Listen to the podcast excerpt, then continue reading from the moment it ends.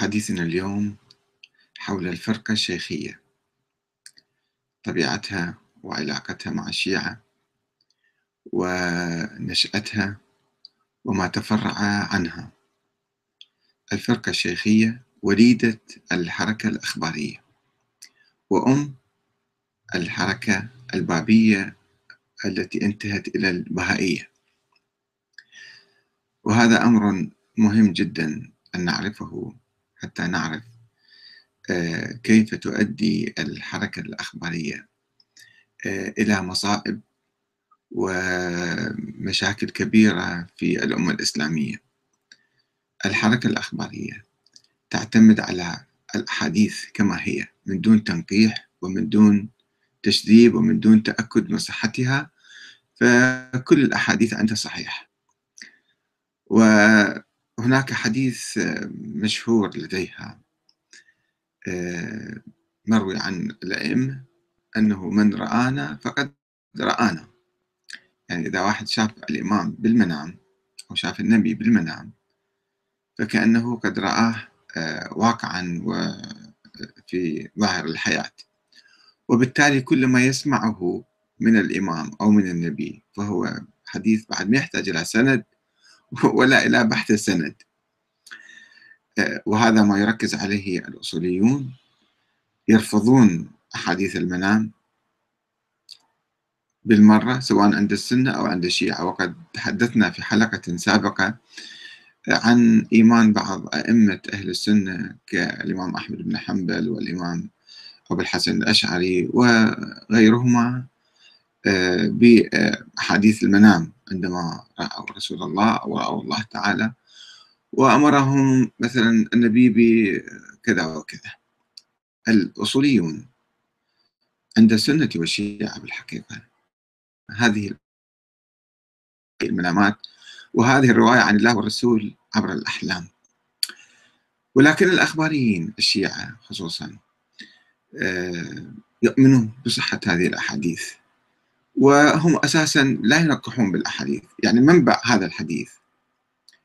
آه، من رآنا فقد رآنا. هذا يفتح باب تفتح منه ألف باب من الجهل والبدع والخرافات والأساطير. فهم وسوف نتحدث عن نشأة الفرقة الشيخية التي أسسها الشيخ أحمد الأحسائي آه، في القرن الثامن عشر.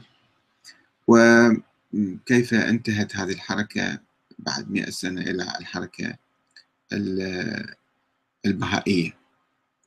لذلك نحذر من هذا المنهج الأخباري أنه سوف يفتح أبوابا من الشر على الشيعة والمسلمين والأمة الإسلامية.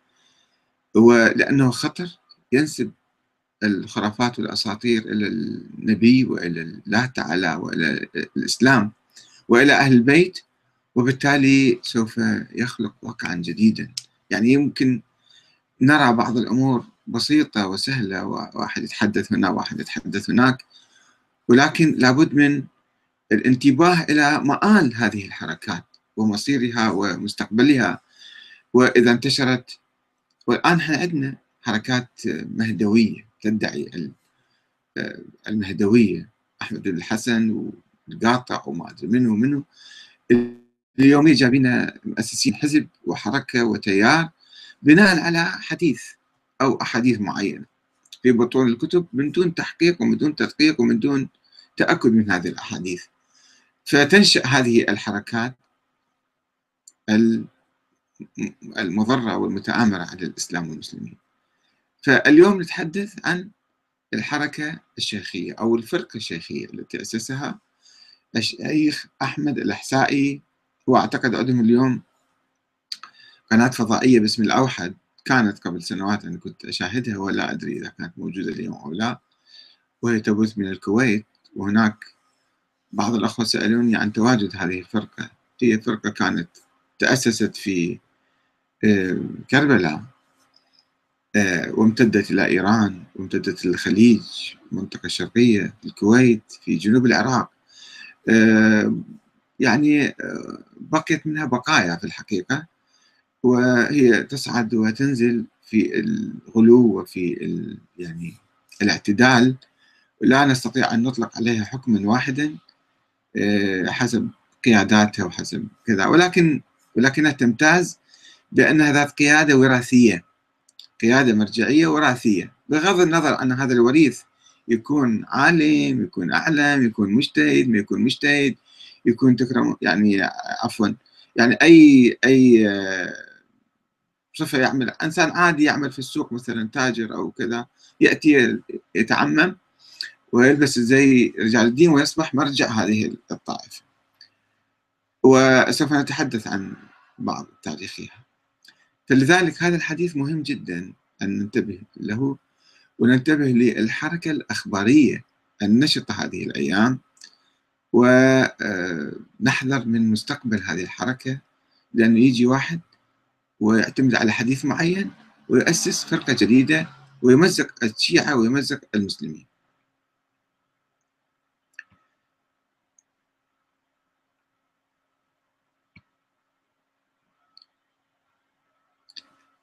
ماذا تعرف عن الحركة الأخبارية؟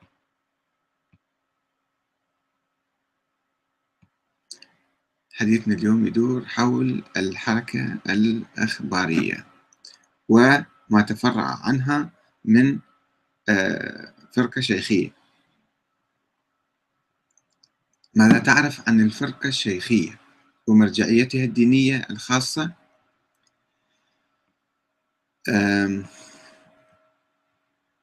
وعلاقتها بالشيعة والبهائية. كان المذهب الشيعي الاثنى عشري. قد حقق خطوات إيجابية ملفتة في القرن الثامن عشر والتاسع عشر في مجال محاربة الخرافات والأساطير وتأصيل المنهج الاجتهادي الأصولي. وسجل انتصارا, انتصارا على المدرسة الأخبارية الحشوية الخرافية والأسطورية. على يدي زعيم مدرسة النجف الشيخ جعفر كاشف الغطاء. وأستاذه أيضا الشيخ آه، الوحيد البهبهاني في كربلاء.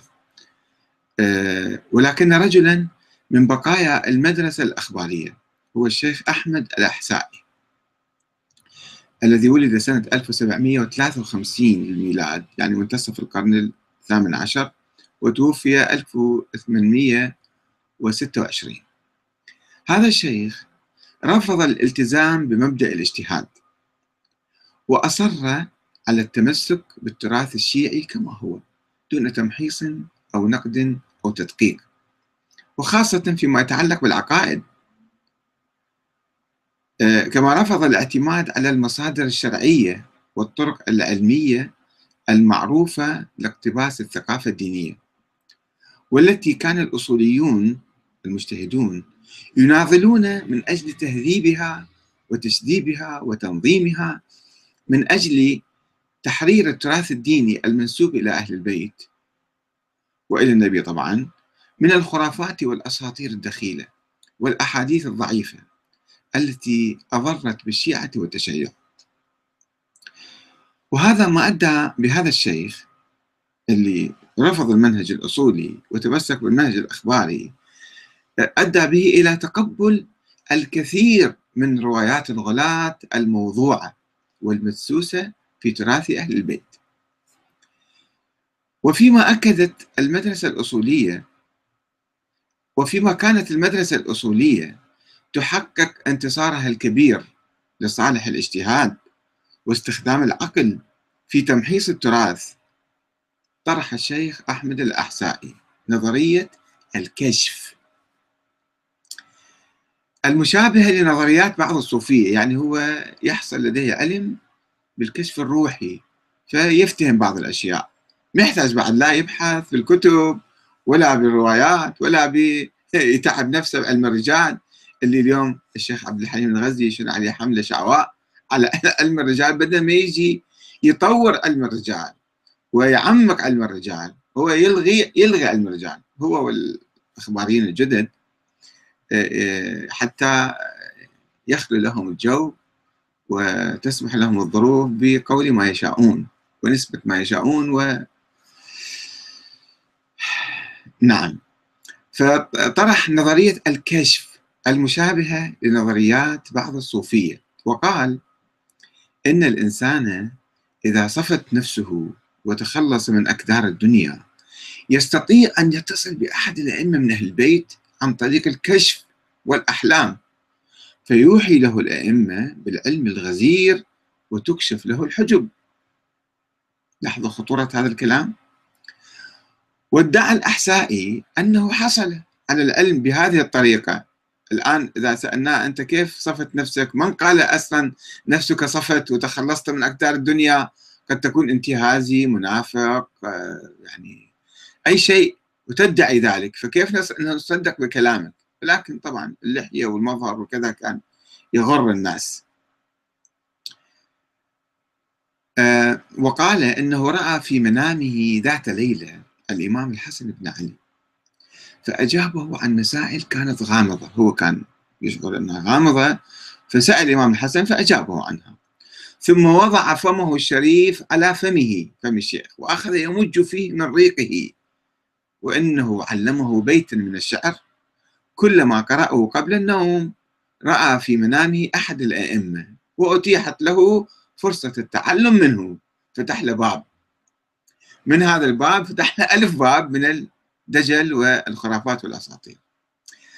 وقد فتح الشيخ أحمد الأحسائي بذلك بابا واسعا للتطرف والغلو والشرك والخرافات.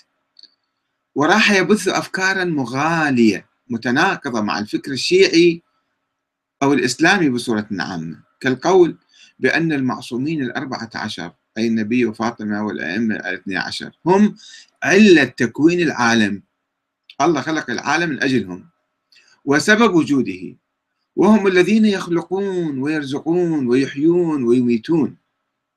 ومع أن الأحسائي كان يقر بأن الله تعالى هو الخالق الرازق. والمحيي والمميت في الحقيقة إلا أنه كان يقول بأن الله العزيز قد تكرم عن مباشرة الأمور بنفسه وأوكلها إلى المعصومين الأربعة عشر حيث جعلهم أسبابا ووسائط لأفعاله فهم مظاهر لأفعال الله ومحال لمشيئته. وجاء الأحسائي بفكرة أخرى هي وجود الجسد الهورقليائي. الهورقليائي. من أين جاء بهذه التسمية وبهذه الكلمة؟ لا أعرف. المهم هو جاب هذه الفلسفة وهذه الفكرة آه، الجسد الهورقليائي للإنسان إلى جانب الجسد الصوري. هذا الجسد المادي. وقال عنه آه، أنه الجسد يعني شرح هذا الجسد شو هو؟ الجسد الذي عرج به رسول الله إلى السماء والذي يعيش به الإمام الثاني عشر الغائب محمد بن حسن العسكري في ظل الغيبة منذ منتصف القرن الثالث الهجري إلى اليوم. يعني كيف الإمام عايش؟ بجسد المادي راح يشيخ ويكبر. فجاب نظرية أخرى قال لا هذا عايش الإمام بالجسد الهورقليائي. وكان يعتقد أن الإمام عندما غاب الشيخ أحمد الأحسائي يعتقد أن الإمام عندما غاب نزع عنه جسده الصوري أو الصوري وبقي محتفظا بجسده الهورقليائي ما هو دليلك على ذلك؟ لا تسألوه. وهذا هو سر بقائه على قيد الحياة تلك المدة الطويلة التي جاوزت ألف عام دون أن يتطرق إليه الفناء. ويروى عن الشيخ الأحسائي أنه قال أن الإمام لما خاف من أعدائه خرج من هذا العالم ودخل في جنة هورقلياء وسيعود إلى العالم بصورة شخص من أشخاصه بعد عندما يظهر. حل مشكلة طول العمر اللي متورطين بها بعض الإخوان هذا حلهم ببساطة بهاي الفلسفة الجديدة وبهاي الفكرة الجديدة. إضافة إلى ذلك امتاز الشيخ أحمد الأحسائي بالدعوة إلى انتظار الإمام المهدي المنتظر محمد بن حسن العسكري والتبشير بقرب ظهوره بمناسبة انقضاء ألف سنة على غيبته. يعني كان بعد شوية يصير ألف سنة فهو كان يبشر أنه الإمام سوف يظهر على رأس ألف سنة من غيبته. وقام بجولة واسعة في إيران كان يقول لأتباعه في كل قرية يمر بها إن الإمام الغائب على وشك الظهور. وأنهم يجب أن يكونوا على أهبة الاستعداد لنصرته. وكان يؤكد لهم أن الإمام الغائب حين يظهر سوف يبدل الكثير من العقائد والتعاليم الإسلامية الموجودة وأن ذلك مما سيرتعب منه نقباء الأرض لعدم قدرتهم على تحمله. شيء يقلب الدين كله رأسا على عقل ولكن الأحسائي توفي قبل حوالي عشرين عاما من الموعد الذي حدده لظهور الإمام المهدي. يعني على رأس 1255 أو 1260 للهجرة. وهو في طريق توفي هذا الشيخ في طريقه إلى الحج بالقرب من المدينة المنورة. فأوصى إلى أحد تلامذته وهو السيد كاظم الرشدي ليكون خليفته من بعده. وقال لأتباعه لا يوجد أحد يعرف مقصدي ما عدا السيد كاظم الرشدي فاطلبوا علومي منه وقد تلقاها مني مباشرة وهي التي تلقيتها من الأئمة الذين تلقوها من رسول الله. ثم أوصى الشيخ أحمد خليفته السيد كاظم بأن يكون يقظا يترقب ظهور الإمام المهدي ويمهد أذهان الناس له.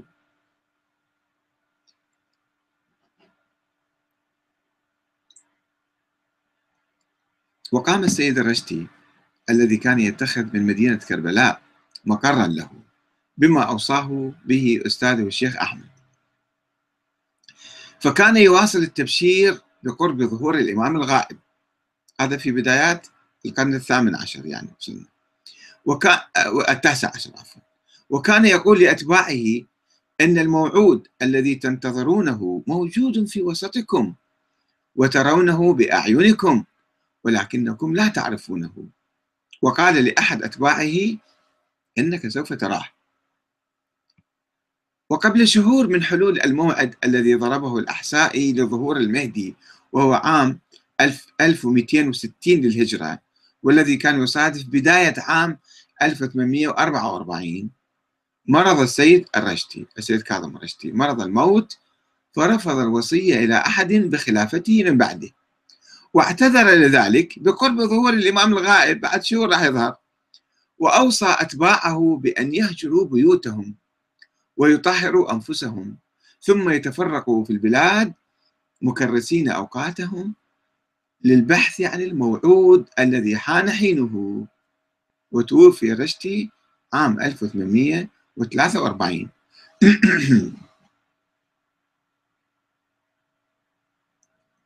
وهذا ما مهد الطريق. عفوا. وهذا ما مهد الطريق أمام نشوء الحركة البابية. الحركة البابية. حيث قام أحد تلامذته وهو الملا حسين البشروئي بالاتفاق مع تلميذ آخر له هو السيد علي محمد الشيرازي المعروف بالباب. والادعاء بأن الأخير هذا الباب محمد علي محمد الشيرازي هو الموعود. أو باب المهدي يعني كل مرة كان يقول شيء. باب المهدي يعني. الذي حل فيه جسد الهرقليائي ما هو أحمد الأحسائي مهد ذلك؟ بالحديث عن الجسد الهرقليائي الروحي يعني. فهذا الجسد الهرقليائي حل بعلي محمد الشيرازي. آه، الجسد الهرقليائي للإمام الغائب المهدي المنتظر محمد بن حسن العسكري. وقد انتشرت الدعوة البابية في صفوف الشيخيين في إيران انتشارا كبيرا. لأنهم كانوا يترقبون ظهور صاحب الزمان بمناسبة قرب انتهاء ألف سنة على غيبته وعندما حلت سنة 1260 للهجرة صاروا متلهفين لسماع النبأ العظيم الذي كان قد بشر به زعيمهم الشيخ أحمد الأحسائي وتلميذه السيد كاظم الرشدي فلما وصلهم نبأ ظهور الباب علي محمد الشيرازي تهافت الكثير منهم عليه. وكان لنظرية الأحساء في الجسم الهرقليائي دورا كبيرا في تقبل الشيخين الشيخيين لفكرة حلول الإمام المهدي في الباب. يعني هذا أيضا يسلط الضوء على أو يذكرنا بالحقيقة بالحقيقة ببعض المشايخ الذين يروجون الآن لقرب ظهور الإمام قرب ظهور الإمام. ولا يعرفون خطورة كلامهم وما يمكن أن يؤدي إليه في المستقبل من كوارث. على أي حال رفض علماء الشيعة في العراق وإيران دعوى الباب في المهدوية ورأوا في فكرة نسخ الدين الإسلامي التي جاء بها نوعا من الهرطقة والكفر بالإسلام. وأصدر الشيخ محمد تقي البرغاني مرجع كان هذا في قزوين. فتوى بتكفير البابيين. كما ألقت الحكومة الإيرانية القبض على الباب الشيرازي وأعدمته في تبريز في 9 تموز من عام 1850 ولكن حركته استمرت بصورة سرية وتطورت فيما بعد إلى الحركة البهائية التي أعلنت خروجها من الدين الإسلامي. عقدوا مؤتمر في منطقة في شمال إيران وقالوا وجاء هذا البهاء تصدر الحركة وسميت الحركة البهائية وهي مستمرة إلى اليوم وعندها نشاط كبير في الإنترنت وعندها ناس في كل العالم وعندها كتب وعندها كذا كذا أو مقرها في حيفا أعتقد في فلسطين. على أي حال اللي يحب يقرأ عن الحركة البهائية يمكن الدخول في جوجل ويكتب البهائية ويشوف شنو المصادر الموجودة. وكان هناك بالطبع جناح آخر من الشيخية أنفسهم رفض الدعوة البابية وفكرة نسخ الدين الإسلامي وحارب البابيين بشدة. وكان هذا الجناح بقيادة المرزا محمد حسن جوهر. توفي سنة 1261 بسرعة متوفى هذا. الذي كان